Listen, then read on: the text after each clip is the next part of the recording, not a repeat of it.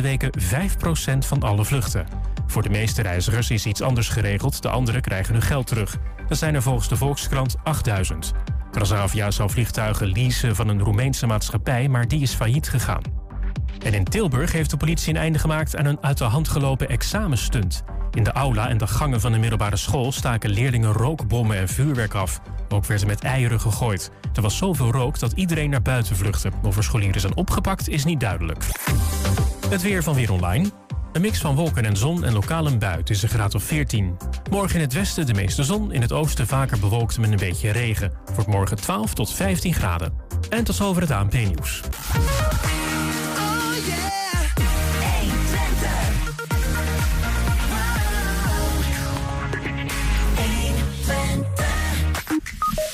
Het wordt niet zomaar een restaurant. Heins Haven in Almelo, de omgebouwde woonboot, wordt naast restaurant ook nog eens onderdeel van een maatschappelijk project. Mogelijk kunnen oude spullen al eind volgend jaar een tweede leven krijgen door Twente Milieu. En uh, moet het nieuws over de nieuwe hoofdtrainer van FC Twente, Jozef Oosting, die volgend jaar uh, de leiding overneemt van Ron Jans, vergeet je bijna dat er nog gevoetbald wordt. We gaan zo uh, voorbeschouwen op de uitwedstrijd tegen FC Utrecht van zondag. En een, een, nieuwe stelling van de week met deze week de stelling statiegeld op blikjes is belachelijk. Het is vrijdag 14 april. Dit is 120 vandaag. 120. 120 vandaag. Over twee jaar al kunnen we mogelijk vanuit Enschede in een deels elektrisch vliegtuig over uh, deel van de wereld vliegen. Twente Airport moet uh, onderdeel worden van een regionaal netwerk voor elektrische vliegtuigen. Luchtvaartmaatschappij Fly with Lucy en Twente Airport ondertekenen kort geleden een intentieverklaring om al in 2025 dus die eerste duurzame vluchten te kunnen aanbieden. Aan tafel is uh, Gerben Groothuis, hij is e-flight manager van Twente Airport. Gerben, welkom. Dankjewel. Veel mensen uh, op onze kanalen reageerden erg enthousiast op dit nieuws. Dat is fijn te horen. Uh, wat betekent het voor jullie? Het betekent voor ons de mogelijkheid om Twente weer een beetje te ontwikkelen, Twente Airport weer een beetje te ontwikkelen als een vliegveld. En dan heb ik het niet over een vliegveld zoals dat in de normale um, uh, manier wordt geïnterpreteerd. Dus vakantievluchten, verre reizen, maar kortere afstanden, een regionaal netwerk. Um, en we denken dat we daar als Twente een, uh, een hele zinvolle bijdrage aan kunnen leveren. Mm -hmm. Eerder hebben we hier al eens gesproken met Jan Schuring. Hij vertelde toen ook van ja, het zou mooi vinden als wij de kraamkamer van elektrisch vliegen, duurzaam vliegen, heeft de toekomst. Uh, tenminste, dat zou eigenlijk moeten. Um, uh, is, dit, is dit een soort van wezenlijke stap in die richting? Dat je een soort van aanbieder hebt die dat gaan, wil gaan proberen bij jullie? Ja, absoluut. absoluut. Um, we zijn heel blij dat Lucy um, als eerste die intentieverklaring met ons heeft willen tekenen. Um, uh, Lucy is een nieuwe vlieg, vliegmaatschappij. Ja, ik ken het niet, eerlijk nee, gezegd. Nee, niemand kent ze. Um, ze hebben overigens wel geld van Transavia. We hoorden het in, de, um, uh, in het nieuwsbericht net al even voorbij komen. Uh, Transavia Ventures heeft in hen geïnvesteerd. En ze zien in Lucy een mogelijkheid om emissievrij en straks ook stil mensen over kortere afstanden te kunnen vervoeren. En voor ons is dat um, een hele mooie manier om, om, om zichtbaar te maken wat wij, wat wij al een tijdje uh, roepen. Dat we um, bij de duurzame luchtvaart ons heel nauw willen aansluiten. Ja. Uh, intentieverklaring, wat moet ik me daar eigenlijk bij voorstellen? Wat, wat, wat, want dan, dan is het nog niet uh, 100% zeker. Nee, dat klopt, dat klopt. Um, veel van dit soort, dit soort ontwikkelingen zijn natuurlijk nog, nog enigszins onzeker. Uh, de, de, vliegtuigen moeten, zeker de volledig elektrische vliegtuigen, moeten nog gemaakt worden. Um, dat betekent dat ze een slag om de arm nemen. En dat is logisch. Dat, dat moeten wij ook doen. En um, de intentie is er, is er um, van beide partijen. Ja. Maar in de loop van het komende jaar, misschien ietsje langer, zullen we samen een overeenkomst proberen te sluiten waarin we dat meer en, nadrukkelijker gaan vastleggen. Maar zit hem dat dan, uh, hoor ik je dat dan zeggen, in, vooral in de techniek? Of zij het voor elkaar krijgen om inderdaad uh, die, nou ja, zo'n vliegtuig te gaan bouwen dat rendabel genoeg is? Waar, waar zit het dan precies in? Nou, het is, het is van veel, veel factoren afhankelijk. Um, kijk, Lucy is een, is een vliegtuigmaatschappij. Die hoeven niet zelf een vliegtuig te gaan bouwen. Um, maar de, de vliegtuigen op het ogenblik zijn, zijn natuurlijk um, uh, vliegtuigen die worden aangedreven door fossiele brandstof. En er zijn veel vliegtuigen die elektrisch of hybride elektrisch ehm, ehm, moeten gaan vliegen die op de tekentafel liggen. Een aantal vliegt er ook al. Ja. Maar nog lang niet alles. Wat er, wat er bedacht is, is ook daadwerkelijk eh, goedgekeurd om te gaan vliegen. En ehm, dat soort processen, ja, dat kost gewoon behoorlijk veel tijd. Ja.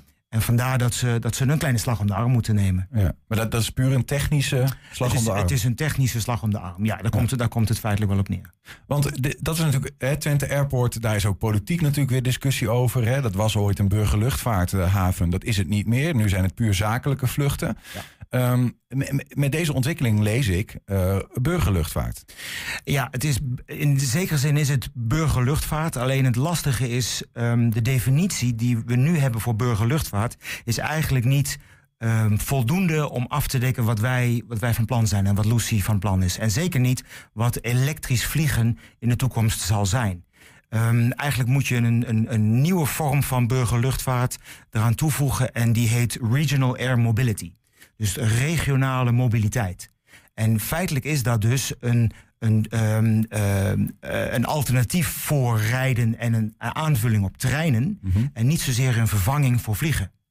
En dat is een, dat is een manier van vliegen, een manier van, van transportmobiliteit die er eigenlijk nu nog niet is. Ja, ja. En dus het is heel belangrijk om goed te definiëren wat we wel ambiëren, maar ook wat we niet ambiëren. Wat, we, wat ik echt onderstrepen wil, is Twente ambieert niet, eh, nu niet en, en nooit niet, om een vakantieluchthaven te worden. Ehm, dus de, de traditionele burgerluchtvaart zal niet kop Twente komen.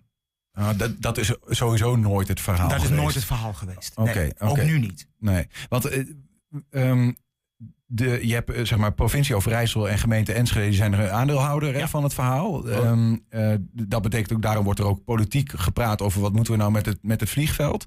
Ehm, eh, is er is er in die zin bestuurlijk iets nodig in dat vlak voordat überhaupt een partij als Lucy ehm, dit soort vluchten kan gaan aanbieden? Nou, feitelijk niet, want het ligt in het verlengde van wat er nu gebeurt. Kijk, ehm, Lucy ehm, richt zich in eerste instantie op de zakelijke markt. En waarom komen zij naar Twente? Eh, wij hebben een onderzoek eh, gedaan onder Twentse eh, ondernemingen, onder de Twentse ondernemers.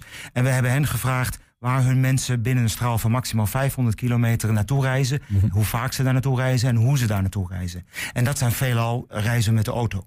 En we hebben hen aangeboden om te kijken of ze daarvoor elektrisch vliegen als een zinvol alternatief zouden zien. En dat zien ze. Um, daar werd met veel enthousiasme op gereageerd. Dus het is um, een zakelijke manier van vliegen. Mm -hmm. En dus in die zin niet veel anders dan het businessverkeer wat nu op Twente komt. Alleen ja. emissievrij en stiller. Um, aanmerkelijk stiller dan wat het nu is.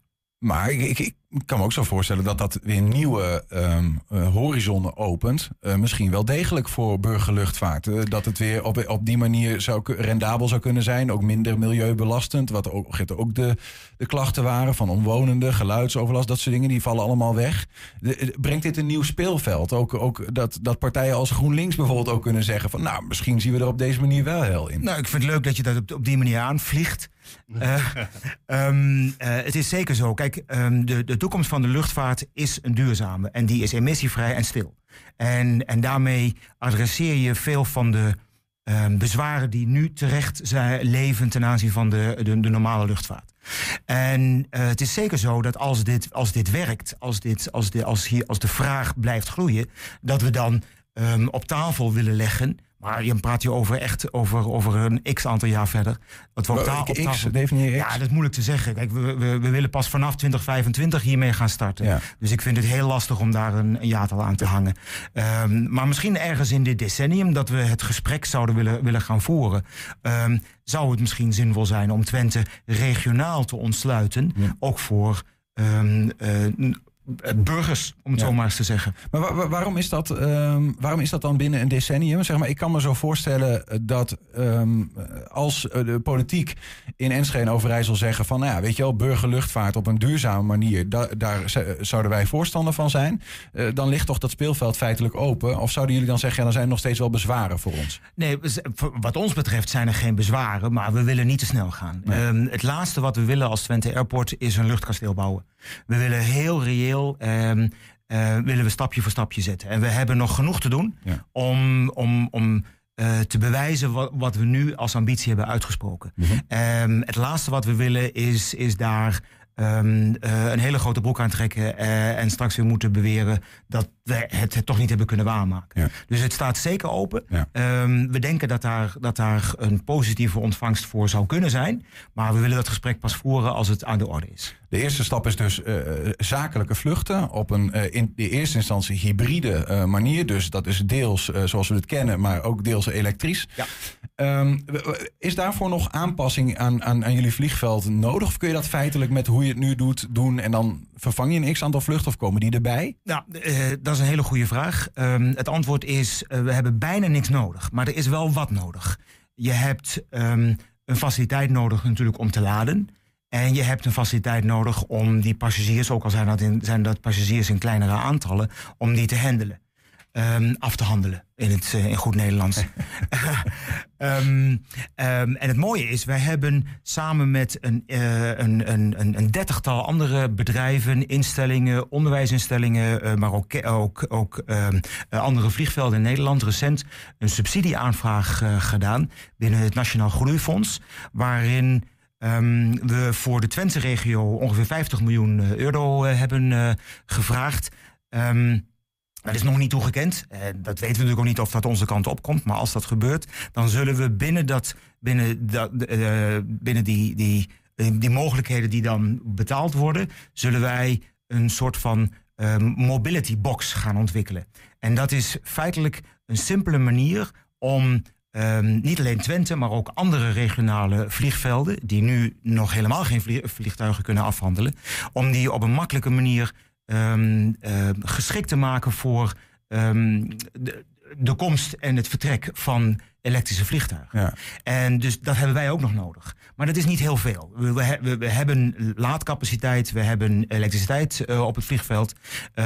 Het moet alleen op een, op een goede manier worden ingeregeld. Maar daarvoor hebben we eh, nu tijd. Ja. Eh, en die tijd die zullen we samen met Lucy gaan gebruiken om te, om te snappen wat daar echt voor nodig is.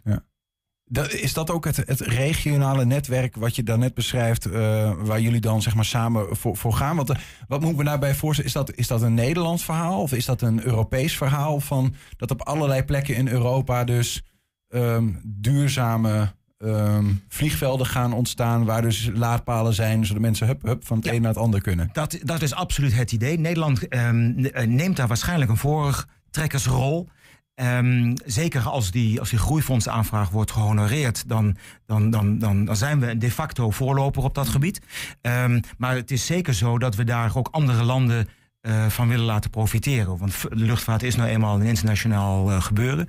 Ehm, wij zijn nu al in, ge- in gesprek met Duitse vliegvelden om ook die ook te, te, te, te koppelen aan, eh, aan onze regio. En dus niet alleen de Twentse regio te ontsluiten, maar ook andere regio's. Ja, en van Nederland Vanuit naar, Nederland eh, naar andere, andere landen, maar ook andersom. Ja. Eh, misschien nog heel even gewoon eh, puur praktisch. Hè? Als we zo'n, zo'n eh, dan in de eerste instantie hybride vliegtuig voor ons. Ik neem aan dat dat hybride is omdat elektrisch op dit moment nog te kleine actieradius heeft. Ofwel, je kon niet ver genoeg. Klopt, klopt. Ja, er zijn ele- volledig elektrische vliegtuigen op het ogenblik al, maar die zijn nog eh, te klein en komen nog niet ver genoeg. Ja. We- we- hoe ver gaan we kunnen komen? als Stel even ver gezicht, of niet eens per se, 2025 het gaat gebeuren. Ik neem even een voorschot. Eh, hoe ver gaan die vliegtuigen kunnen vliegen? Ehm, tegen die tijd eh, zeker 300 kilometer met nog extra. Hè, dat je dus eh 300 kilometer range kunt afde- afdekken. Ehm, en dan kunnen ze natuurlijk verder vliegen. Ehm, maar in de toekomst ehm, is, er, is er zeker mogelijkheid tot ongeveer 1000 kilometer. Maar dan praat je echt over het volgende decennium. Ja. En ik neem aan dat je toewerkt naar eh, full elektrisch. Maar dan moet er iets aan die techniek nog weer eh, gefine-tuned worden. Ja, absoluut. absoluut. Ehm, er, zijn, er zijn enorm veel ehm, ehm, eh, bedrijven die op het ogenblik elektrische vliegtuigen aan het ontwikkelen zijn. Dat zijn er tientallen, bijna eh, 200 in de wereld wel. En dat is, een, dat, dat is een enorme buzz Ja. op het gebied van elektrisch vliegen. En het voordeel van Lucy is, zij kunnen de, de beste en de snelste kunnen ze eruit pikken. Er zijn ook bedrijven die, die ze zelf van scratch willen gaan ontwikkelen. En die hebben natuurlijk nog wel wat hobbels te nemen. Maar Lucy kan, kan waarschijnlijk ehm, ook echt waarmaken wat ze nu, wat ze nu op tafel leggen. Ja, is, dit, is Lucy dan, om daar een beetje begrip van te krijgen, wel een beetje de voorloper op dit gebied wat dat Ja. betreft? Ja, absoluut. Ja. Absoluut, ja. Hoeveel mensen kunnen er in zo'n vliegtuig? Nou, dat ligt er een beetje aan welk, met welke vliegtuigen ze daadwerkelijk zullen starten. Maar waarschijnlijk zal er tussen de vier en negen passagiers zijn. Ja, ja. Dus dat is echt nog klein. Ja. Maar ik was gisteren bij, een, bij de presentatie van een, van een Nederlands vliegtuig, volledig elektrisch, ehm, dat in 2029 moet gaan vliegen. En dat ehm, is eh, gepland om al 44 passagiers mee te nemen voor eh, nog grotere afstanden. Ja. Dus er gebeurt echt heel veel. Ehm, we gaan bijna tot de afronding komen. Ik zit nog een beetje te zoeken naar het, het vergezicht. Hè. Ik snap wel dat je daar eh, voorzichtig mee bent. Omdat daar ook gewoon eh, nou ja, eh, aandeelhouders over moeten besluiten wat ze ermee willen en zo. Ehm, maar bijvoorbeeld alleen al dit. Als, wat er nu wel mogelijk gaat gebeuren, 2025. Betekent ook een toename van het aantal vluchten bijvoorbeeld op Twente Airport? Het kan, maar ik denk dat dat in eerste instantie heel beperkt zal zijn. Ja. Ehm, het is echt niet zo dat, dat er in één keer tientallen vluchten per dag ehm, eh, zullen komen. Maar eh, uiteindelijk is een vergezicht natuurlijk dat dat wel mogelijk zou moeten zijn. Ja. Maar nogmaals, emissievrij en stil. Ja. En dan hopen we toch wel tegen die tijd te hebben kunnen bewijzen, te, eh, hebben kunnen bewijzen dat dat, ehm, dat, dat heel, heel prettig is. Zeker voor de omwonenden. ja. En voor, zie- de, voor het milieu Dan zie je natuurlijk. wel helemaal eh, grote witte vogels in de lucht. Zeg maar. Ja, wie, wie wil dat niet? Ja, ik ben ontzettend benieuwd. eh, Gerber Groothuis, dankjewel voor je komst. En eh, nou ja, succes. Het is in ieder geval een, eh, een heel innovatief en nieuw avontuur. En het past bij Twente. Dankjewel. maar. Ik dankjewel. wel. Zometeen mogelijk kunnen oude spullen al eind volgend jaar een tweede leven krijgen door Twente Milieu. 120 vandaag. Vanaf deze maand zit er statiegeld op blikjes. En dat inspireerde Frank om de straat op te gaan met een nieuwe stelling van de week. Dit blikje kost normaal 59 cent. Nu 74 cent. Vanaf deze maand betaal je statiegeld op blikjes. Het doel hiervan is om zoveel mogelijk blikjes te recyclen en er zo min mogelijk in de natuur te laten belanden. Wat vinden de Enschede's hier eigenlijk van en leveren zij een blikje in? De stelling van deze week is, ik vind het statiegeld op blikjes belachelijk. Dit blikje, wat denk je dat hier anders aan is? Nee, ik zie er eh, niks bijzonders aan. Of statiegeld op zit, ja of niet? Oh, dit. Volgens mij. Statiegeld. Statiegeld. Statiegeld. Statiegeld. Inderdaad, wat vindt u daarvan dat er nu statiegeld op plastic blikjes zitten? Nou, daar heb ik nog niet over nagedacht. I'm sorry. Vind ik prima, dan vind ik het ook niet meer op straat. Als je inlevert, krijg je 50 cent weer terug. Maar denkt u dat veel mensen dat gaan doen? Nou, eh, zo te zien heb ik het nog niet gezien dat ze dat heel veel doen nou nog. Iedereen gooit dat weg of maakt ze zeg maar een beetje een, een deuk daarin. Dus ik denk niet dat dat zo goed gaat werken, als ik eerlijk ben. Het ruimt een heleboel rommel op. Mensen die gaan weer eerder nadenken van... ik ga mijn blikje inleveren dan als op straat gooien. Ga je er gewoon goed op letten dan? Ja. Dan zet ik ze gewoon in mijn kluisje en dan aan het einde van de dag neem ik ze mee in een tas, andere aparte tas. Dat is best een goed idee geweest. Maar of het allemaal helpt, dat weet ik niet. Ziet u het zoveel op straat dan? Ja, behoorlijk. Vooral bij scholen. Kijk eens langs de weg. Kijk eens naar, eh, hoe heet dat, de Subway en de McDonald's. Dan wil ik niet weten wat er allemaal ligt. Ja, ik koop geen blikjes. Waarom niet? Weet je, doen alles in flessen. Ik vind het best wel een goed idee. Ik ben alleen bang dat ze toch nog 18 paar cent, wat maakt het uit? Eh, zou je dat zelf ook eh, nu doen dan? Ja, absoluut.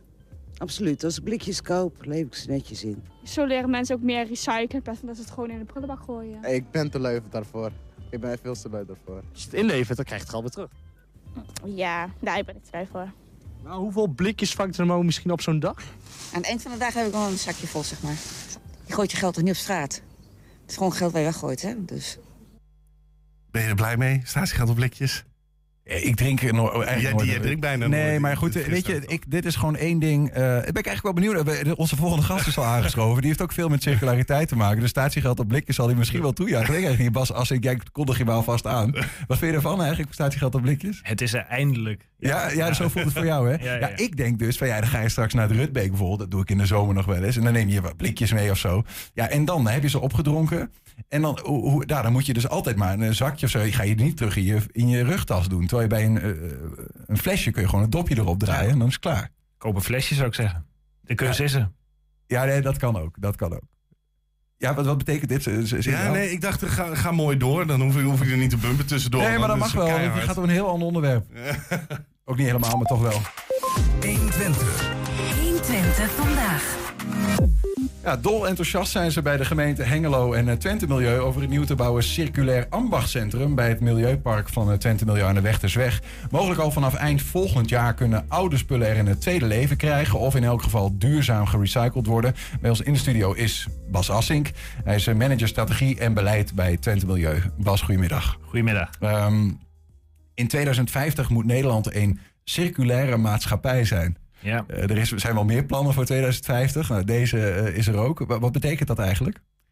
Ja, dat we echt anders eh, om moeten gaan met onze producten en spullen. En ons veel bewuster moeten zijn dat we minder afval moeten gaan maken. En beter na moeten gaan denken. wat gebruik ik? Hoe gebruik ik het? Hoe lang gebruik ik het? En heb ik het wel nodig misschien? Ja. Eigenlijk past het, het filmpje wat we hiervoor zagen met de statiegeldblikjes daar naadloos op. Ja, dan, dan kun je gaan afvragen: is het blikje wel eh, voor mij de juiste verpakking rondom mijn frisdrank? Ehm, of koop ik misschien een grote statiegeldfles of een plastic fles? Of eh, ja, eh, hoe, hoe ga ik daarmee om? Ja, ja. Maar, maar een circulaire maatschappij, kijk, circulair heeft natuurlijk iets van cirkel in zich. Dat gaat altijd over dat wat wij gebruiken ehm, niet, eh, zeg, zeg maar, wordt weggegooid, maar wordt hergebruikt. Of is dat niet per se wat het is? Nee, dat het weer terugkomt in, eh, in de keten. Dus dat niks, niks het rondje of het cirkeltje eigenlijk eh, verlaat. Verlaat, Dus ja. eh, niks verbrand wordt of eh, gedumpt wordt. ehm, eh, maar dat we alle materialen eigenlijk weer, eh, weer hergebruiken. Is dat Eh, altijd belangrijk eigenlijk? Want je hebt toch ook gewoon, ik bedoel, sommige materialen zijn nog moeilijk, die raken gewoon op. Eh, in de aarde groeien ze niet eh, bij of zo. Maar, maar sommige wel. Ja, maar pro- productie van dingen kost altijd energie. En eh, we zijn met steeds meer mensen. eh, we hebben steeds meer wensen. Dus ehm, eh, overal is eigenlijk wel schaarste aan. En eh, als we ons gebruik allemaal wat verminderen, dan, dan is dat voor iedereen goed. Ja, ja. Nou, nou is daar het Circulair Ambachtcentrum in Hengelo nieuw te bouwen. Wat, wat is de rol daarvan in dit verhaal? Ja, een lang gekoesterde wens. We hebben daar al een milieupark, eigenlijk een, een afvalbrengpunt waar inwoners met een grof afval terecht kunnen. Ehm, maar we zien in die containers dat nog ongeveer van de, van de grof restafvalcontainer 30% is een inschatting van mijn collega's. Eh, dat, dat zijn prima spullen die nog wel een tweede leven verdienen en die nog hergebruikt kunnen worden. Maar mensen willen graag eh, eh, met hun afval en herbruikbare spullen naar één plek. Gewoon Ja. in één keer klaar zijn. En, en wij zien echt, eh, in onze droom zie je echt dat eh, eh, mensen langs een kringloopwinkel eh, rijden en daar medewerkers van de kringloop staan. Kijken van, hey, zit hier nog iets bruikbaars tussen wat wij een tweede leven kunnen geven of kunnen repareren of demonteren voordat het bij ons in de container belandt. En dat, dat juichen wij toe. Minder afval, meer hergebruik. Ja. eh, en beter, beter recyclebare stromen als ze gedemonteerd worden. Ook een beetje vanuit de gedachte van, ik, ik- want ik denk dat dat vaak zo is. Mensen vinden dat op zich prima, willen dat wel. Alleen eh, het is gewoon ingewikkeld. Want je moet het, als je het nu wil, eh, op een gratis af te halen plek of zo zetten. Dan zit je nog met die bank en dan krijg je misschien een tweede leven. Maar bij jullie breng je hem gewoon en dan zorgen jullie ervoor. Ja, en, en daar, daar hoeven we absoluut geen concurrent voor te zijn. Ieder hergebruik is goed. Dus eh, Marktplaats vindt het, ga allemaal gerust je gang. Want het, het zorgt voor levensduurverlenging. Maar op dit moment qua kringloop in Hengelo moet je eh, naar de ene kant van de stad. En qua afvalbrengpunt naar de andere kant van de stad. Ja, hoe logisch is dat als dat bij elkaar zit? Dus, Ja, eh, ehm. En de volgende stap daarvoor is gezet. We hebben Wat impressies van hoe dat eruit zou, eh, zou gaan zien. Ik weet niet of we dat kunnen laten zien. Maar kun je wat vertellen over eh, nou ja, wat, wat we hier eigenlijk zien op deze platen? Ja, toen in eh, 2012 het Milieupark is eh, gerealiseerd aan de Wechtersweg, eh is er eigenlijk aan de voorkant een kavel blijven, eh, blijven liggen. En dat ligt nu braak. En op dat kavel hebben we nu een eh, schetsontwerp gemaakt voor een, eh, eh, voor een circulair ambachtcentrum. Vanwege de beperkte plek zijn we, zijn we de hoogte ingegaan. Maar we moesten ook parkeren realiseren. Want bezoekers moeten daar natuurlijk wel kunnen, kunnen parkeren. Ja. En de hele eerste etage is eigenlijk voorzien voor een kringloopwinkel. En alleen een kringloopwinkel is geen circulair ambachtcentrum. Daarboven moet ook plek zijn voor onderwijs en educatie. Dus we moeten daar basisscholen kunnen ontvangen. Daar komen kla- klaslokalen voor bijvoorbeeld een ROC of een Saxion.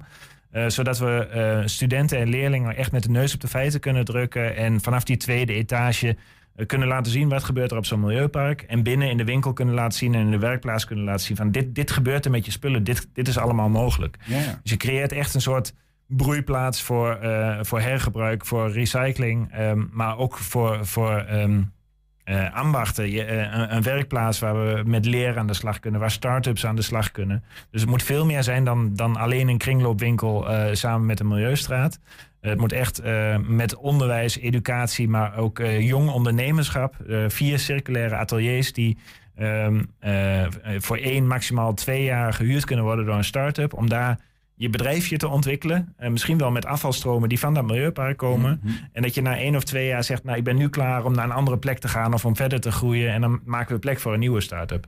Dus ehm, ja, echt een, ja, een broedplaats. Ja, ja. Het, het, is, het is geen klein verhaal als ik dat zo hoor. Het is echt wel eh, een, het, het is een centrale plek in, in ons nieuwe denken over, eh, over afval, om het zo te zeggen. Ja, ja echt meer, meer gerichte preventie en hergebruik om afval te voorkomen. En dat is voor een afvalinzamelaar natuurlijk wel een beetje vreemd. Maar... ja, nou ja, maar dat is wel interessant. Hè? Want ik denk wel dat de focus van Twente Milieu in dit verhaal. Hè, want ik, ik bedoel, ik denk dat bijna iedere eh, Twentenaar, als je zegt Twente Milieu, ja, die halen ons afval op. Hè? Die, die, en, die, eh, en dan gaat het naar Twents of zo en die verbranden dat. Eh, maar dit is natuurlijk een heel ander, heel ander verhaal. Het gaat steeds meer naar. Ja, maar de vraag wordt wel steeds luider. Dat merk je vanuit het onderwijs, dat merk je vanuit inwoners. Ehm, en mensen willen. Wij krijgen ste- worden steeds kritischer bevraagd. Waar gaat het afval naartoe? Gebeuren er wel de juiste dingen mee? Eh, eh, belandt het niet ergens op één grote hoop? Dus mensen willen het verhaal steeds meer weten. En dat verhaal Ja, kunnen we willen ook niet voor niets scheiden natuurlijk. Dat is ook het. eh, Ja, ja. En, en nog te vaak komt eh, in de media komen de slechte voorbeelden. Ja, dit moet eigenlijk gewoon een levend goed voorbeeld zijn. eh, waar, je, waar, waar je eigenlijk het vertrouwen krijgt van er gebeuren de juiste dingen. Ja. Neem ons even mee in gedachten. Ik heb ehm, over. Wanneer moet het ding er staan? Over een ruim jaar? Ja, dit, eh, Het is nog niet helemaal zeker, begreep nee, ik zelfs. Hè? Nee, we gaan echt een spannende fase. Voor Twente Milieu is dit nieuw. Dus Ja. het is voor ons ook nog echt ontdekken van hoe snel kan dit, eh, wat hebben we nog nodig. Het komende half jaar gaan we belangrijke financiële en organisatorische stappen zetten. En daarna hopen we met een bouwteam aan de slag eh, te gaan. Ehm, ja, en ik heb, eh, ik heb deze week gezegd, eh, eh, na de zomer van 2025 op z'n vroegst dat we beginnen met bouwen. Ja. Ja, en, en ben je dan ambitieus, dan heb je het, eh, of na de zomer van 2024, medio 2025 zou je dan misschien klaar kunnen zijn. Ja. We gaan medio 2025 met onze aanhanger vol met troep. ehm, waarvan sommige dingen misschien herbruikbaar zijn. eh, naar jullie eh, ambacht, circulair ambachtscentrum toe. Ja. Ehm, en, en dan? Wat gebeurt er? Je rijdt met je aanhanger eerst langs het gebouw aan de achterkant. Ehm, en daar staan medewerkers. Ja, hier zie je het eigenlijk goed. Nu aan de, aan de voorkant, onder die overstek. Dan, ook als het regent wil je je spullen droog aanleveren. En eh, de kringloopmedewerker kijkt met jou mee eh, wat herbruikbaar is. Pikt dat eruit. En pas daarna rijd je door naar het, eh, naar het milieupark, naar het afvalbrengpunt. En, Dat gooi je weg. De rest wordt de rest, ingenomen. Dat gooi je weg. Dus Ja. je, je bespaart daardoor ook nog op je, op je stortkosten. Normaal betaal je 1,50 per 10 kilo. Dus iedere 10 kilo levert je 1,50 op. Ehm, en dat is voor de kringloopwinkel natuurlijk belangrijke input voor een winkel. Mhm. Ehm, je rijdt door naar het milieupark en kom je daar weer af, kom je automatisch weer langs dat eh, circulair ambachtcentrum. Kun je parkeren en kun je eh, gelijk kijken of je wat nieuws kan halen. ehm, eh, of bij de circulaire ateliers kijken. Dus ehm, het versterkt elkaar heel erg. Je kan ook alleen naar de kringloopwinkel als je dat wil. Je hoeft niet naar het milieupark. Ehm, we hebben rekening gehouden met wandelaars, met fietsers. Dus het moet gewoon een, een goed toegankelijk circulair ambachtscentrum worden. Waar, eh, waar iedereen denkt van... Hey, ik wil inspiratie opdoen of ik, eh, ik, ik, heb vragen over eh, spullen. Ik wil iets laten repareren. Eh Repair Café Hengelo hebben we ook meegesproken. En die zou hier ook een heel mooi, mooi plekje in, in kunnen krijgen. Ja, ja. Ehm, dus dan kun je ook met je elektrische apparaten of met, een, met textiel naar een naaiatelier... om spullen te laten herstellen en op die manier een tweede leven te krijgen. Is het, wo- worden er ook dingen ehm, vermaakt tot iets anders, zeg maar? Ja. Of, Ja, dat is aan de start-ups. Ehm, eh, ik kan het zo gek niet bedenken, maar eh, vier start-ups. En eh, start-ups elders in het land, die zijn al met kurken aan de slag gegaan. Met kroonkurken, maar ook met leer. Ehm, ja, dat is de creativiteit van de inwoner. Ja, ja. Nou ja, want ik, ik denk, eh, kijk, ik kan me voorstellen bij, bij eh, de kringloopwinkel, geloof dat jullie ook met het goed in gesprek zijn eh, om te kijken of die daar een plek in kunnen, kunnen krijgen. Ehm, dat als ik inderdaad die bank op mijn aanhanger heb en die is goed genoeg, nou ja, dat ze zeggen, nou, die willen we wel een nieuw leven geven, die willen vast mensen hebben. Maar als daar een gat zit in die bank of wat dan ook, ja, dan is dat ook een beetje, nou ja, dan moet je daar mogelijk iets anders mee. Je kunt nog wel iets met die materialen, denk ik. Ja, repareren zou natuurlijk mooi zijn. En als dat simpel kan, moeten we dat zeker doen. Maar demonteren kan ook alweer wat opbrengen. Als je de metalen, het hout en het stof van elkaar kan scheiden... en in drie containers kan doen... eh, levert dat de gemeente geld op... doordat we minder verwerkingskosten hebben. Ja. Dus dan de, eh, het kleine stukje arbeid wat je er dan in moet stoppen misschien... eh, verdien je misschien weer terug in de verwerkingskosten. En het gebouw is zo flexibel gemaakt... dat we de komende periode echt met verschillende afvalstromen aan de slag kunnen gaan. We hebben niet gezegd, we gaan in Hengelo alleen maar elektrische apparaten doen of alleen maar banken demonteren. Maar je moet ook een beetje naar buiten blijven kijken en wat doet de markt en eh, daarop kunnen inspelen. Dus eh, flexibiliteit zit, zit helemaal in het, eh, in het pand. En het wordt ook, moet ook geen grote fabriek worden. Nee.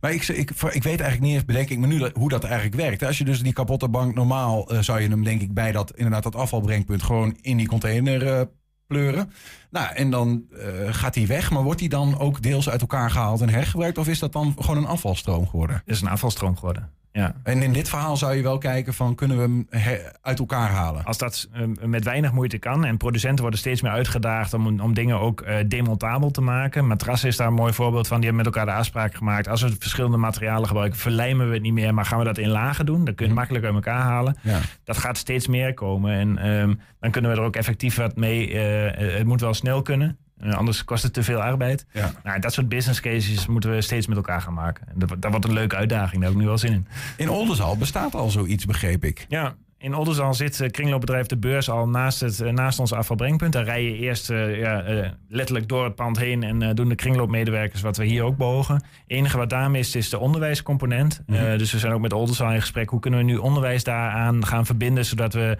de jongste generatie al eh, eh, meenemen in, in dit verhaal? Want, Ja. want die snappen dat heel goed. Ja. Toen, toen jij en ik op de basisschool zaten, was het, eh, eh, waren het de arme sloebers met eh, tweedehands schoenen. En nu is het ineens vintage. Dan is het, ben, je ineens, ben je ineens stoer als je tweedehands schoenen aan hebt. Dus de, de tijd is echt zo rap aan het veranderen. Ja, ja. Ja. En is dit dan de, de plek in Hengelo die het voor de rest van Twente moet gaan doen? Of, of moet ik me voorstellen dat eigenlijk elke plek in Twente wel zo'n soort hub zou moeten hebben? Het moet wel op een redelijke, redelijke afstand zitten. Ehm, eh, wij hebben dit een beetje gedimensioneerd op 100.000 inwoners. Eh, Twente kent in totaal 600.000 inwoners. Dus je hebt tussen vier en zes circulaire ambachtcentra van dit formaat. Maar je kan ook bedenken dat in een landelijke gemeente... dat je een, een, op kleinere schaal iets eh, gaat doen. Ehm, het zijn vooral de, de functies die elkaar versterken. Afvalbrengpunt, kringloop, eh, samen met onderwijs en, en vakmanschap, opleiding. Ehm, dat moet het gaan doen. Ehm, van dit formaat denken wij dat het budget neutraal kan. Dus dat de gemeente niet hoeft bij te, bij te dragen. En dat is natuurlijk wel een hele interessante ook voor een gemeente. Dit kan zonder gemeenschappelijk geld, maar gewoon door met elkaar te ondernemen en eh, met elkaar samen te werken. En dat, Ja. dat, dat vind ik het gaaf aan dit concept. Dus eh, de, de aanmoediging ligt er wel om te kijken hoe kunnen andere gemeenten dit ook doen, zodat je in heel Twente dit soort. eh, Ja, Ja. ik vind, eh, de- ik vind dat, dat, dat we dat aan onze inwoners verplicht zijn. En dat je plekken moet inrichten. En er zijn al heel veel mooie grote kringloopbedrijven in Twente.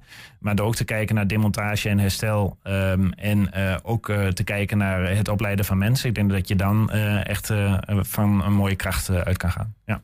En nog even over die naam, hè, Bas. Ja. Ehm, Circulair Ambachtcentrum. Ja, dan moet je Rijkswaterstaat aankijken. Die hebben dat zo genoemd. Eh, ik ben ook geen fan. Eh, ik daag iedere kijker, eh, luisteraar aan om met wat nieuws te komen. Wij zijn zelf wat druk aan het nadenken. Dit komt niet op de gevel te staan, dat kun je wel bedenken. maar onder water bezeten, misschien wel zo, ja. Ja, dit is een vakterm. Daar, daar kan ik niks aan doen. Ehm, eh, de- op, basis van circulaire ambachtcentra is een hele subsidiepot eh, verstrekt in alles. Het is een waardeloze naam waar niemand wat bij voelt, denk ik. Ehm, dus ja, be my guest en verzin wat leuks. Ja, Nou ja, wees welkom om dat aan te geven op onze e-mailadres. Ook uh, redactie.120.nl. Dan uh, sturen wij het door. Bas Assink, dankjewel voor je uitleg. En succes met het uh, waarmaken van die droom daar in Hengelo. Dankjewel. Zometeen, het wordt niet zomaar een restaurant. Heinshaven in Almelo. De omgebouwde woonboot wordt naast restaurant ook nog eens onderdeel van een maatschappelijk project. We zijn ook als podcast te vinden, mocht je dat nog steeds niet weten. Dat is niet zo erg. Maar ga het even bekijken. Alle bekende En platforms. beluisteren. En beluisteren, vooral. Uh, 120 vandaag, dat is de hele uitzending. Elke werkdag. En je hebt ook 120 vandaag uitgelicht. Daar zie je een losgeknipt item. Dat is elke dag. 120. 120 vandaag. FC Twente maakt zich op voor de uitwedstrijd tegen FC Utre Utrecht zondagmiddag. De afgelopen dagen in aanloop naar dat duel ging het vooral over andere zaken. De nieuwe hoofdtrainer Jozef Oosting. Voor de huidige trainer Ron Jans geen onbekende. Ja, dat is uh, eigenlijk een goede bekende uh, van mij. Uh, zijn vader Jan Oosting was echt bij WKE een hele goede amateurvoetballer. Bezeten van voetballen. Rooie Jan, zijn bijnaam. Uh, in ieder geval drie zoons. En dan heb ik alle drie, ken ik ze. Berend Oosting heb ik bij Emmen gehad. Spits. Hendrik Oosting heb ik niet meegewerkt, maar ik ken hem wel goed. En Jozef was eigenlijk de beste. En ja, ik vind echt een, een fijne persoonlijkheid. sociaal.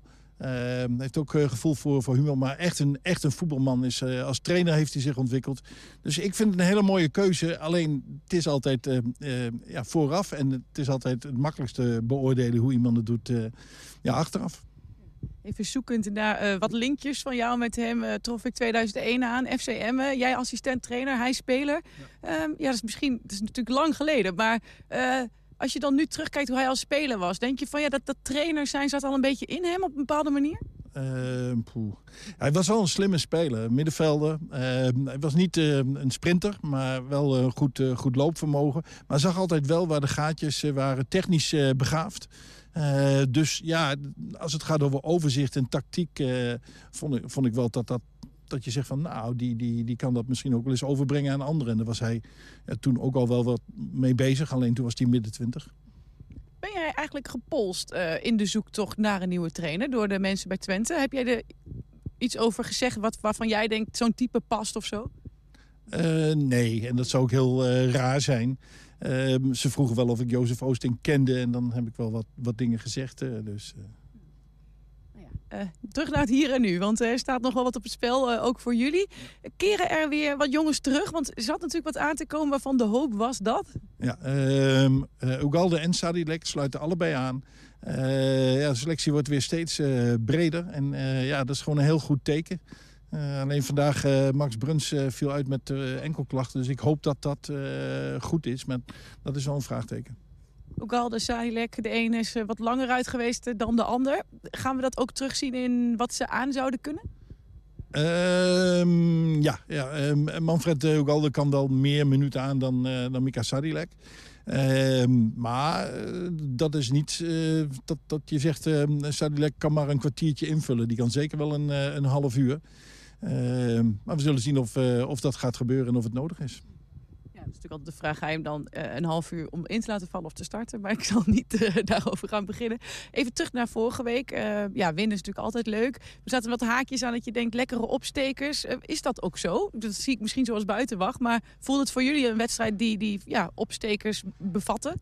Ja, ehm, individueel. ehm eh, Ricky van Wolfswinkel die een poosje droog stond en eh, scoorde. Eh, Michel Flap, nou, dat is breed uitgemeten. Eh, Wout Brama die invalt met zijn 300ste wedstrijd.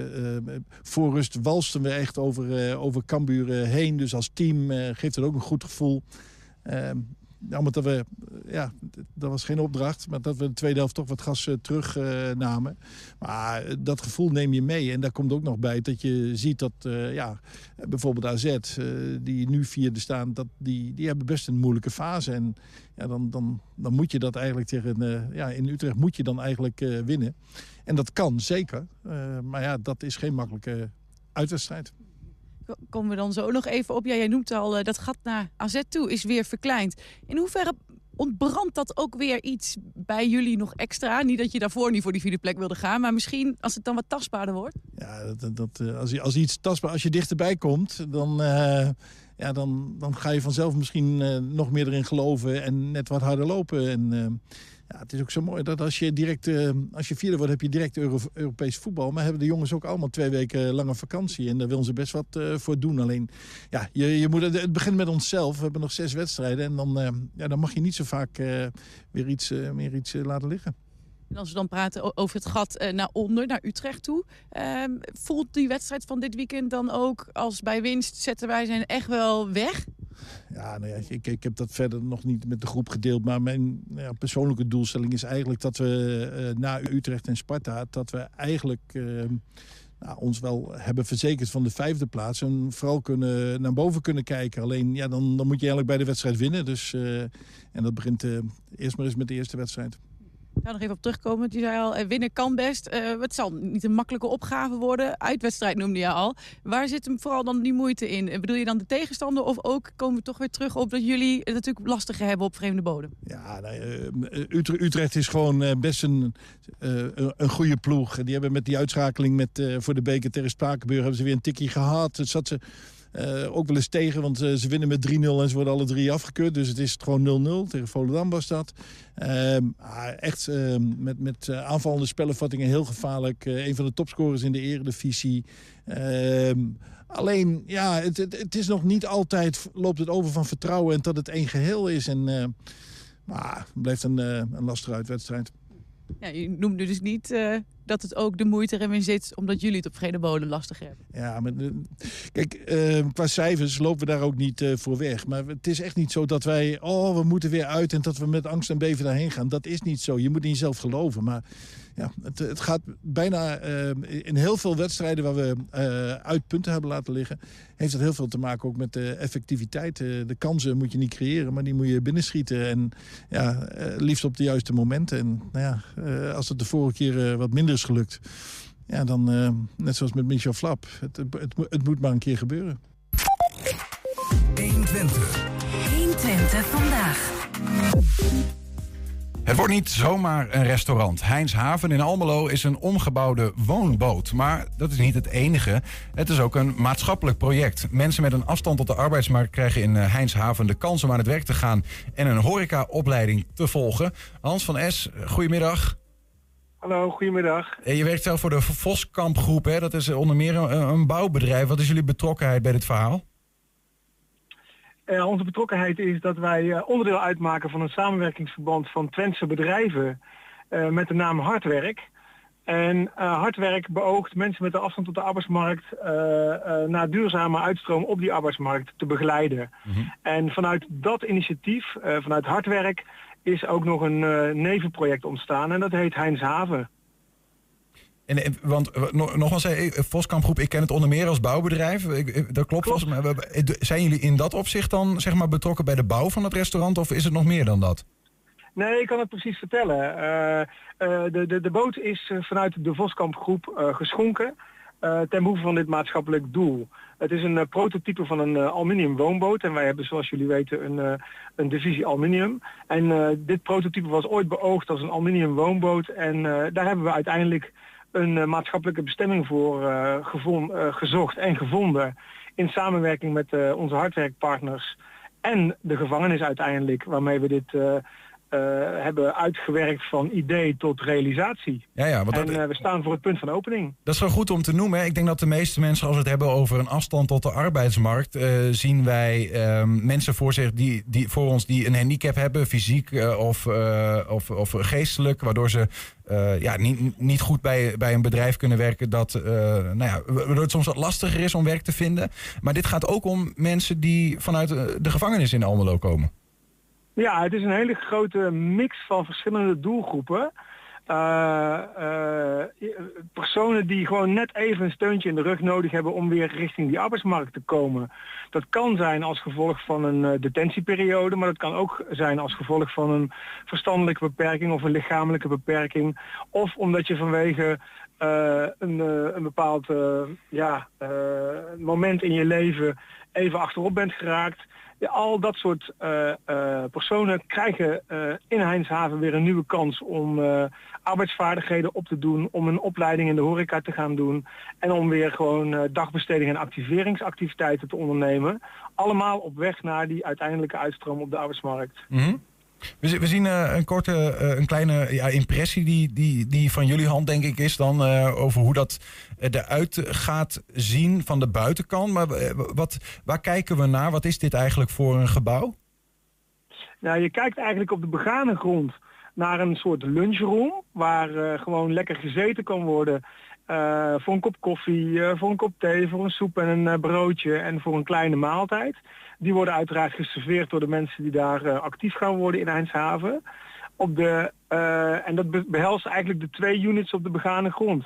Als je kijkt naar de bovenunit, de bovenetage, daar is een eh, behoorlijk professionele keuken ingericht waar de maaltijden worden gemaakt voor onder andere het restaurantje beneden, maar ook voor eh cateringservice, lunchservice, broodjeservice voor de omliggende bedrijven in het bedrijventerrein eh Bornse straat.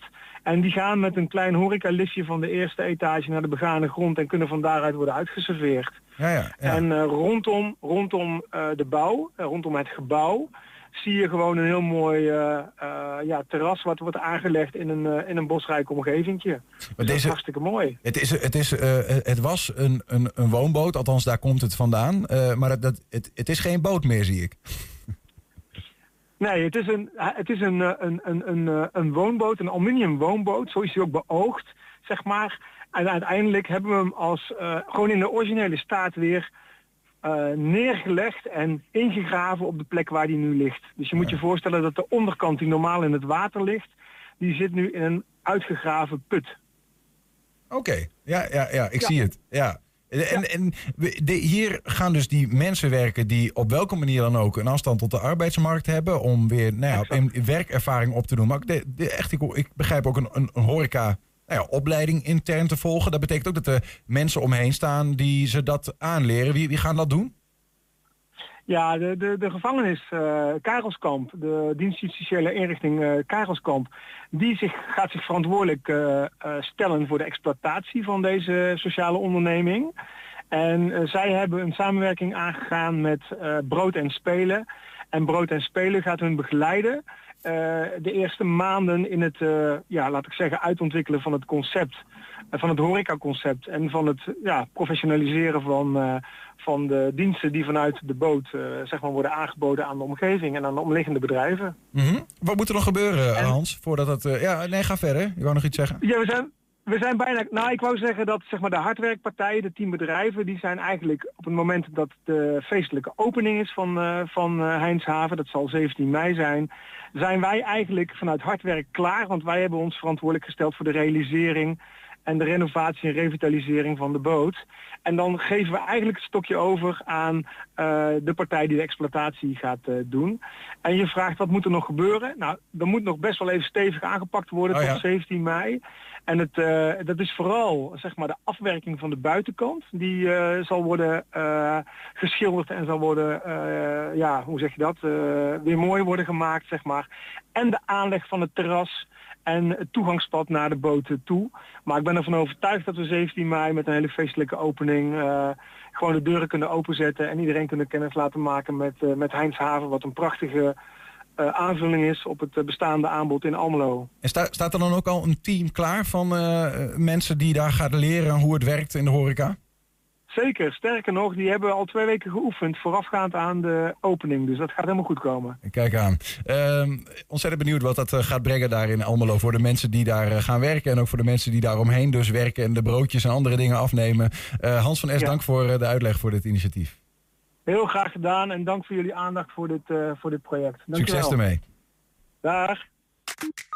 Heb je een tip voor de redactie? Mail dat dan naar redactie.120.nl. Niet dus naar info, maar naar redactie.120.nl.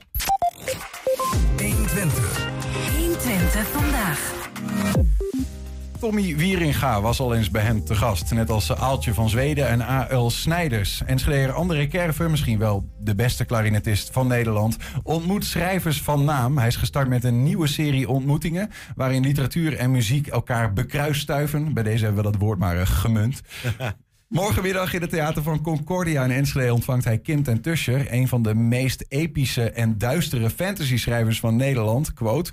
Ehm, nou ja, de vraag is natuurlijk hoe gaat hij als uh, zoetgevoiced muzikus in gesprek met dat soort van duisternis. André, welkom. Ja. Ehm, ja, voordat we over eh, Kim gaan hebben en over wat je dan morgen gaat doen, eh, van waar die, die serie André Kerver ontmoet? Ja, dat is, eigenlijk is die een beetje eh, heel organisch ontstaan. Eh, ik, toen ik op een gegeven moment eh, problemen met mijn ogen kreeg. En eh, dus ja, ik kon geen, op een gegeven moment geen noten meer lezen. En omdat ik in het orkest van het Oosten zat, was dat wel een klein probleempje. En ehm, ja, toen dacht ik van... ja, je weet, iedereen weet natuurlijk dat er fantastische muzikanten zijn die, die helemaal niks zien. Dus ja, ik, ik dacht van ik ga die kant van muziek zonder noten ga ik eens verkennen.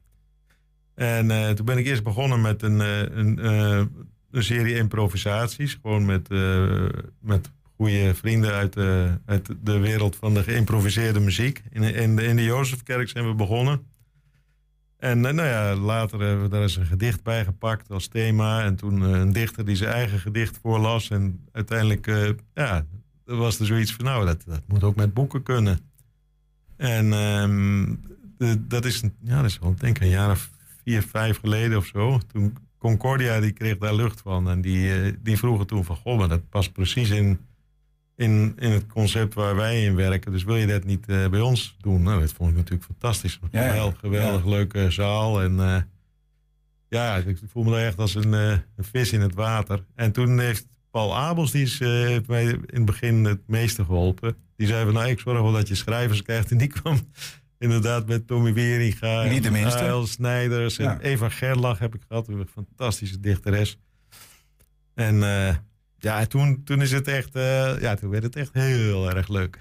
Maar, maar- maar hoe gaat dat dan? Want eh, ik bedoel, gaat Tommy bijvoorbeeld dan, of da- dan laat ik zeggen morgen, Kim, gaat, ga, gaan ze hun, een deel van hun boeken voorlezen Ja, en, ja. en jij improviseert erop los? Maar niet alleen ik, hè. Want, nou ja, we doen het zo meestal. Ik, nou ja, zoals nu heb ik dat ook met, eh, met Kim gedaan. Eh, ik, ik lees eh, de boeken. Ja, dat klinkt dan ook nog weer eenvoudiger dan het is. Want ik moet natuurlijk, ben wel afhankelijk van zo'n voorleesbibliotheek. Maar die heb je tegenwoordig in alle soorten en maten. Ja, omdat je een oogprobleem hebt, wat je net al vertelde. Ja, ja. Dus ook dat en is dan, lastig. eh, en nou ja, dan overleg ik eigenlijk samen met, met de schrijver, schrijfster. ehm, ja, wat zijn leuke scènes om. Zo vliegen we het eigenlijk aan. Het is een beetje als, als een, een beetje filmachtig. Hè? Dus we, eh, we, we pakken zes of zeven scènes van eh, vijf minuten ongeveer. En die, nou, ja, die moeten dan een beetje afwisselend zijn eh, van sfeer. Ja. En ehm, nou ja, dan komen we vervolgens bij elkaar. Meestal met, met Christophe McCarthy en Uli Wenslav Eggebert en ik. En ehm, nou, dan overleggen we die... eh, we lezen die, die dingen eh, door en eh, die, die, die, die thema's, die stukken. stukken. En ehm, nou, bedenken we, ja, wat voor sfeer heeft dat? Wat, moet, wat zou daarbij moeten klinken? En het blijft dan... we, gaan, we spelen dan eigenlijk bijna niet. Oké, je laat het wel op het moment aankomen. ja, ja, ja. Dat is, voor mij is dat heel apart. Want ja, als klas, ik heb natuurlijk een totaal klassieke Nou ja, achtergrond. Hè? Dat je, e- eerder, eh, toen je goed zag, la- las je, denk ik, deed je altijd Al- eh, alles van partituur, van Ja. bladmuziek. Ja, dus zelfs mijn vader, die was een eh, best wel gepassioneerde amateurmuzikant. Die speelde accordeon, gitaar en mondharmonica. En ik heb eigenlijk nooit met hem gespeeld. Want dat, ging- dat ging gewoon niet. Want ik, ja, ik zet gewoon vast aan die noten. En hij speelde helemaal zonder noten. Ja. Dus, maar ja, hij Is dat een beetje een ding van de klassiek muzikanten Ja. sowieso? Dat ze op die manier geschoold zijn, dat ze wel een beetje vastzitten in Ja. het... eh, Ja, dat was vroeger. Nou, dat is dan wel nog vroeger dan. Ik ben zelf ook, ik ben eh, 64, maar. Nou ja, toen, toen begon het net te mogen, zou ik maar zeggen. Maar tien jaar, als je tien jaar ouder was, dan moest je bij de directeur van het conservatorium komen. Als je lichte muziek eh, ging spelen, want dan, eh, dan kreeg je er van langs. nou ja, maar dat is wel een beetje zo'n ding. Ik hoor het wel eens vaker, hè, dat orkestmuzici eh, van, van niveau... en het orkest van het Oosten natuurlijk ook Ja. is... dat daar een bepaalde ja, soort van onderscheid bijna is... Van, ja, tussen dat soort muziek en toch de wat meer... Ja, nou nee, dat- Noem het lichte muziek, jazz... Maar dat is eigenlijk al lang niet meer. Is dat niet meer? Ik, ik moet ook zeggen, dat, dat was eigenlijk, nou ja, bij alle ja, heftige toestanden die ik toen had, toen het misging met mijn ogen, Mm. dat eigenlijk het idee om, om. Ik had ineens een lege agenda, hè, dat was helemaal nieuw. Ja. En dat idee om, eh, om daar eens kennis mee te maken met die wereld van de geïmproviseerde muziek. Dat, dat trok mij ontzettend aan. Dat heb ik altijd wel gewild. Alleen ik had nooit tijd. En, nu- nou ja, ineens heb je een lege agenda. dus eh, zoals Cruijff zei, ieder nadeel heeft zijn voordeel. Ja, hè, dus. Je bent eigenlijk gedwongen eigenlijk Ja, tot, eh, tot, tot die kant van het verhaal. Ja, ja. Voor mensen die dat niet weten, André, wa- wat is er met jouw ogen aan de hand? Dat je, dat, dat je het in je leven blijkbaar hebt meegemaakt dat je slechter bent gaan zien. En volgens mij wordt dat ook slechter, toch? Nou nee, ik Of denk dat het nog wel zo... eh, nu blijft het ongeveer zoals het is. Hoop ik. Je weet het nooit natuurlijk. Ja. Nee, maar ik... Ja, eh netvliesproblemen kreeg ik. Een soort loslating. Ja, van alles. Ik heb, Ja. ik heb alles gehad wat je, wat je, wat je kunt hebben. Ja, ja. Scheurtjes, schaartjes, loslatingen in beide ogen. En in totaal ben ik wel iets van 30 keer geopereerd of zo. Ja, ja, ja. En steeds eh, kwam het volgens de doktoren best wel weer goed. Ja. Mijn ene oog hebben ze ook weer goed gekregen, maar toen heeft een streptokokkeninfectie maar, eh, maar de das omgedaan. Gaan, gaan we het er niet, niet, niet, eh, niet te lang over hebben. Want het is ook Nee. denk ik geen, geen eh, mooi hoofdstuk uit je leven. Aan de andere kant, jij zegt elk nadeel heeft zijn voordeel. Het heeft je gebracht tot de, de improvisatiemuziek. Ja, Ehm, ik ga er zelfs een voorstelling over maken. eh, Over dit verhaal? Ja, muziektheatervoorstelling. over, over die, die, die, Ja, wat gewoon, ja, wat, die wat- switch. ja, hoe je dat, maar ook, nou ja, hoe je toch een, een, een, een heel interessant en leuk leven kunt hebben nadat je ja, iets vreselijks meemaakt. Ja. Oké, zit dat met- nu in de pen? Ja, dat- ja, ik heb al een regisseur. We zijn eigenlijk al een beetje bezig. Eh, het- ik ga het met Flora Verbrugge als, als regisseur. En eh, we zijn het nu allemaal aan het organiseren, maar het is over een tijdje. Daar kom ik dan graag nog een keer over Ja, terug. ja, als ja, het ja, is. ja, ja, nee, dat snap ik, dat snap ik. Maar even, eh, misschien, want ik vind het leuk om zo nog iets te proberen als het, als het mag. Ik heb een stukje uit van Kim ten Tuscher, heb ik eh, uit een van haar boeken. Ik dacht, ik, we kunnen dat zo misschien proberen. Maar eh, nog heel even naar die, die switch die je dan moet maken als klassiek geschoold muzikant. Je, je zit, eh, nou ja, eh, even gezegd, vast in de bladmuziek. Daar ben je gewoon heel goed in. Je leest alles van bladmuziek, dat doe je. Dat kan op een gegeven moment niet meer. Eh, die switch is moeilijk, denk ik. Hoe, hoe heb je geleerd om los te komen van die bladmuziek en naar de improvisatie te gaan? Gewoon Nou, proberen? eerste- nou ja, ook. Maar het eerste wat ik heb gedaan toen, ik, ja, toen het een beetje hersteld was, zeg maar, heb ik Ruud Ouwehand gebeld. Die kende ik van het conservatorium, mijn collega. Ik zei, Ruud, eh, ja, hij is natuurlijk de jazzbassist van Nederland zo'n beetje. En eh, ik zeg, god, kan je mij niet eens helpen? Want ik, ik, wil, dat, ik wil daar wel eens eh, een poging toe doen. Hij zegt, nou, gelijk heel enthousiast. En eh, toen ben ik bij hem een aantal keren geweest. En eh, ja, ik moet ook echt zeggen dat die mensen met. eh, weet ik, ik heb echt eh, ook niet alleen de schrijvers, maar, maar Erik Vloeimans en die echte geweldig. eh, Jan Wessels eh, meegespeeld. Eh, ja, noem ze maar op. Dus ik ben echt met, met open armen ontvangen. Dat was heel. dat is hartverwarmend. En wat vinden je oud-collega's van Fion nu, zeg maar? Ja, die vinden het ook leuk. Maar ik speel ook steeds meer weer klassiek eigenlijk. Ik ben de dingen die, de stukken die me na aan het hart liggen, die, die heb ik uit mijn hoofd geleerd. En die ben ik ook uit het hoofd aan het leren. Ja, ja. Ik heb net, ik heb net nog in, in Brazilië heb ik, eh, een Mozart Clarinetconcert gespeeld met, met het Symfonieorkest van de hoofdstad. En die speel je Daar- dan uit je doe ik, hoofd? eh, doe ik eh, uit mijn hoofd. ja. Goedemiddag. ja. Ja, sommige mensen kunnen het helemaal niet. Jij doet het uit je hoofd. Daar Nee, ik heb, ik zijn. heb ook altijd gezegd dat ik het niet kon.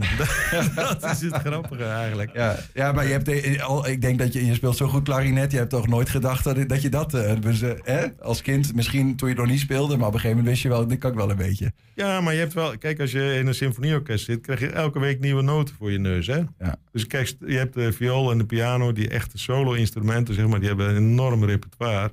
Die kennen hun belangrijke stukken allemaal uit hun hoofd. Maar blazers doen het op de een of andere manier minder. Het is ook aan het veranderen trouwens, hoor. Ja. Dus we gaan meer improviseren... en we spelen ook meer uit onze hoofd. Is dat een goede, goed, eh, goed verhaal? Maar dat komt er ook meer gevoel misschien nog wel bij, of niet? Of, of ga ik dat te Ja. kort door de bocht? Nou, ik, ik hoor van mensen dat het, als ik nu eh, Mozart speel, dat het op de een of andere manier dieper eh, raakt dan, dan, dan vroeger. Dus dat is eigenlijk ook nog een heel mooi compliment natuurlijk. Bijzonder. Nee, maar je hebt dan, als, ik- als, ik, ja, als ik dat nog even mag, mag Ja. zeggen. eh, kijk, bijvoorbeeld als je klassieke muziek, ook een opname bijvoorbeeld in klassieke muziek. Dan, ja, je studeert een stuk in, eh, kamermuziek bijvoorbeeld, of ook met een orkest. En dan studeer je het zo goed mogelijk in.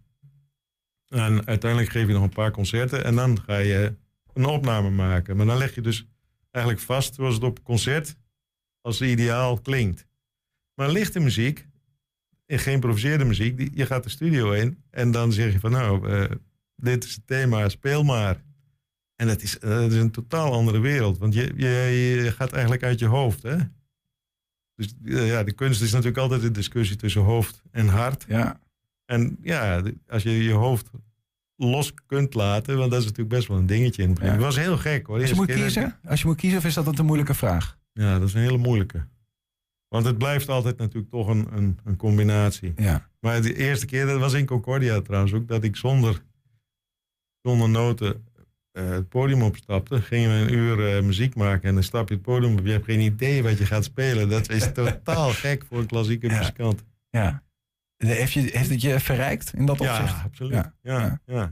Ik wil een stukje proberen, André. En ik, ik zet je voor het blok hoor, dat snap ik ook wel. Ehm, want je, je gaat natuurlijk morgen eh, eh, ga je dan spelen in Concordia in het Theater Bonbonnière. Om vier uur begint dat overigens. Ja. En met Kim ten Tuscher, Enschedeze schrijfster. Ze Ja. schrijft eh, fantasy. Ik heb een stukje uit het boek Jager en Prooi.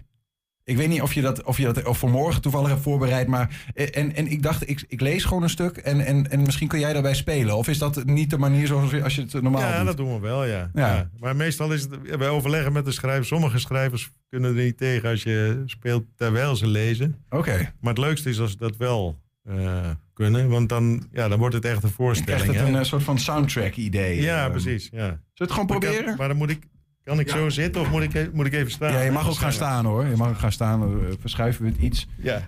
Ehm, uit, het, eh, uit het boek Jager en Prooi dus van Kim ten Tusje. Een klein, klein stuk. Ja. Met het gehuil van wolven keerde de concentratie terug. Hij visualiseerde zijn prooi terwijl hij een pijl op de boog legde. De jacht is geopend, schreeuwde hij terwijl hij zijn hakken in de flanken van zijn paard drukte. Het dier schoot naar voren. Tegelijkertijd kwam een grote wolf uit de schaduw tevoorschijn, gevolgd door zijn roedel. Zijn staart stak als een langharig vaandel in de lucht. Die grijze is voor mij, riep Megan. Krakend spande de pees van zijn boog. De wolf probeerde de pijl te ontwijken, waardoor hij bleef steken in de schouder van het beest. Hij jankte en struikelde. En nog voordat hij overeind kon krabbelen, had Megan een tweede pijl afgeschoten. Het beest werd ditmaal vol in de hals geraakt en plofte log neer op de stoffige weg. Ja, is goed. Ja, dat is goed. Als ik een pet op had, had ik hem afgedaan. Zo. Ja, het doet, geen, het doet geen recht, André. Het is een klein stukje, eh, anders wordt het wel heel wild voor dit. En mochten mensen, mocht het naar meer smaken, en, en, en, eh, ehm, dan moeten ze gewoon morgen gaan komen. Ja, leuk. Ehm, eh, maar jij gaat dus een x aantal fragmenten die langer zijn dan deze. Hè? Vijf minuten vertelde je net. ehm, Ja, de eh, voorstelling duurt een uur en een kwartier. En we proberen de verhouding muziek, tekst 50-50 te maken. ja, want, want, betekent dat dat Kim... eh, gaat, gaat zij lezen tijdens jij speelt? Of gaat ze tussendoor ja, lezen? Ja, zij vindt zij is cool. Zij weet dat. Ja, zij is cool, ja. maar en, vertelt ze dan tussendoor, of eh, ga je nog die fragmenten inleiden, of ga je zelf nog dingen vertellen, of hoe ziet dat er precies doen uit? we elke keer anders. Eh, ja, ik kan het vanmorgen al wel vast zeggen. Want we hebben net toevallig... ja, repeteren heet het dan. Maar het is eigenlijk vooral bespreken wat je dan doet. Je maakt gewoon een plande campagne. Ja. Maar wij... Ja, het begint heel, heel zweer... Ja, het- de boeken. Het is een hele serie, hè. Het is 3100 pagina's waar, ze, waar we morgen uit moeten... Een, een, Die heb je allemaal geluisterd? Of Nee, gele- nee, dat, nee ze een, niet- een stuk. ze- de stukken die ze voorleest. Ja, ja, precies, ja. nog niet, eh, het zit niet in de voorleesbiep van mij. Dus, Nee, eh, oké, ja. Nee, maar dat, dat is ook bijna niet... Het, ja, tenminste... ik, voor mij is het ook nieuw hoor, die fantasy. Dat Ja, is ja, ook wel ja. een hele, hele leuke wereld. Wat, wat even nog eh, voor, voor die mensen die Kim Tin Tusher zei, eh, fantasy, eh, wa- waar, waar, gaat het, waar gaat het, de stukken die jij gaat, ja, misschien zonder dingen weg te geven, hè, maar waar schrijft ze over, wat gaan we morgen ongeveer tegenkomen? Ja, het, het is een, een hele fantasiewereld. Hè? Het gaat vooral over, over goed en kwaad. En de, de aartsvader van de fan- fantasy is Tolkien. Hè? De, de, de, ban, de ban van de ring. Ja. Lord of the Rings. Zo is zij trouwens ook eh, begonnen, heeft ze me verteld. Ze zag die film en daar is ze helemaal door gegrepen. Ja, het, het gaat om... Het is heel... Het, over, over wezens die, die, die als die mens zijn, maar die dan ook in een draak kunnen veranderen. En, en ja, het, Ja, ja, ja. zo gek niet Eh, bedenken. eh, Vul- Lord of the Rings, Harry Potter-achtige vulkanen die, eh, die, die, die gaan werken. En, eh, nou ja, noem maar op. eh, stormen, wilde dieren. Ja, het is Nou ja, ik ben wel heel leuk om op te improviseren. Je bent verkocht, hè. Niels? Nee, ja, ik, bedoel, Lord of the Rings natuurlijk. Ja, tenminste, je hate it, you love it, denk ik. Maar ik vind dat geweldig. Ja, ik ook. Eh, ehm, eh, voordat, want ik wil je nog even, eh, nog even zeggen, sowieso morgen dus 4 uur Concordia. Ik weet niet of er nog tickets zijn. Ja, Ehm, van, eh, van vier tot kwart over vijf is het. nou, bij deze, dat is gezegd. En André, tot slot dan, eh, dit is een serie. Eh, we hebben een x-aantal schrijvers genoemd. Zijn er nog eh, mensen waarvan je zegt... die staan nog op mijn eh, wensenlijstje. Die schrijvers zou ik graag nog eh, mee willen samenwerken in dit verhaal? Ja, nou, ik heb net ook weer eh, contact met, eh, met eh, Bert Wagendorp. Die is één keer al geweest. En, eh, Hij is columnist, toch? Ja, ja, ja, zeker. Maar hij is nu bezig met een eh, enorme... ja, het zou een trilogie worden. Maar hij, hij vertelde me laatst dat het al vier boeken worden. Phoenix. En het is een waar gebeurd verhaal wat, wat hij eigenlijk in, op een romanmanier eh, vertelt. Het speelt in... eh, ja, het, of, het gaat over jongens uit de Achterhoek. Die, eh, die naar Amerika vertrekken. Het, en die, dat speelt in het begin... Ja, midden je- 18, 1850 zo'n beetje gaan ze weg. Ja. Fantastisch geschreven. Ik krijg binnenkort het tweede deel van, van de serie. Nou ja, dat eh Fokke Obama ga ik nog weer mee, eh, mee werken. Ik, binnenkort speel ik nog met eh, dichteres Eva Gerlach in, in Eindhoven. Ja, dat is ook wel leuk, want het, ja, dat, ja, zij wordt dan een keer weer ergens gevraagd. En dan zeggen ze, goh, ik wil een muzikant erbij. Nou, dan belt ze mij op Ja, van, eh, ja. heb je tijd? Dan doen we dat weer samen. Dat is leuk hoor. Ja, het opent weer hele nieuwe uh, Ja, horizonnen voor je. Dat hoor ik wel, ja. Eh, eh, superleuk. Dank dat je, dat je even bij ons eh, wilde zijn, André. En eh, veel plezier. Morgenmiddag dus 4 uur Concordia. André Kerver ontmoet. In dit geval de Enschedeze schrijfster Kim ten Tuscher. En dan gaan zij eh, een stukje fantasy aan eh, de mensen eh, voordragen. In- Oh ja, morgen heb ik nog trouwens Maarten de Groot erbij op... Maarten Grote ook nog erbij. En nog die andere muzikanten die je hebt genoemd. Het is dus een ja, Christophe die, die, die is er niet morgen. Maar Oké. Ulrich Wenslav Egerbert op contrabas. Precies. Kla- Ja. Klarinet, contrabas, piano. Ja.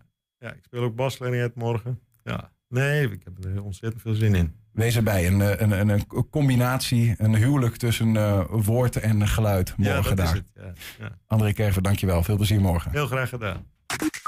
Tot zover ook 120 vandaag van vandaag.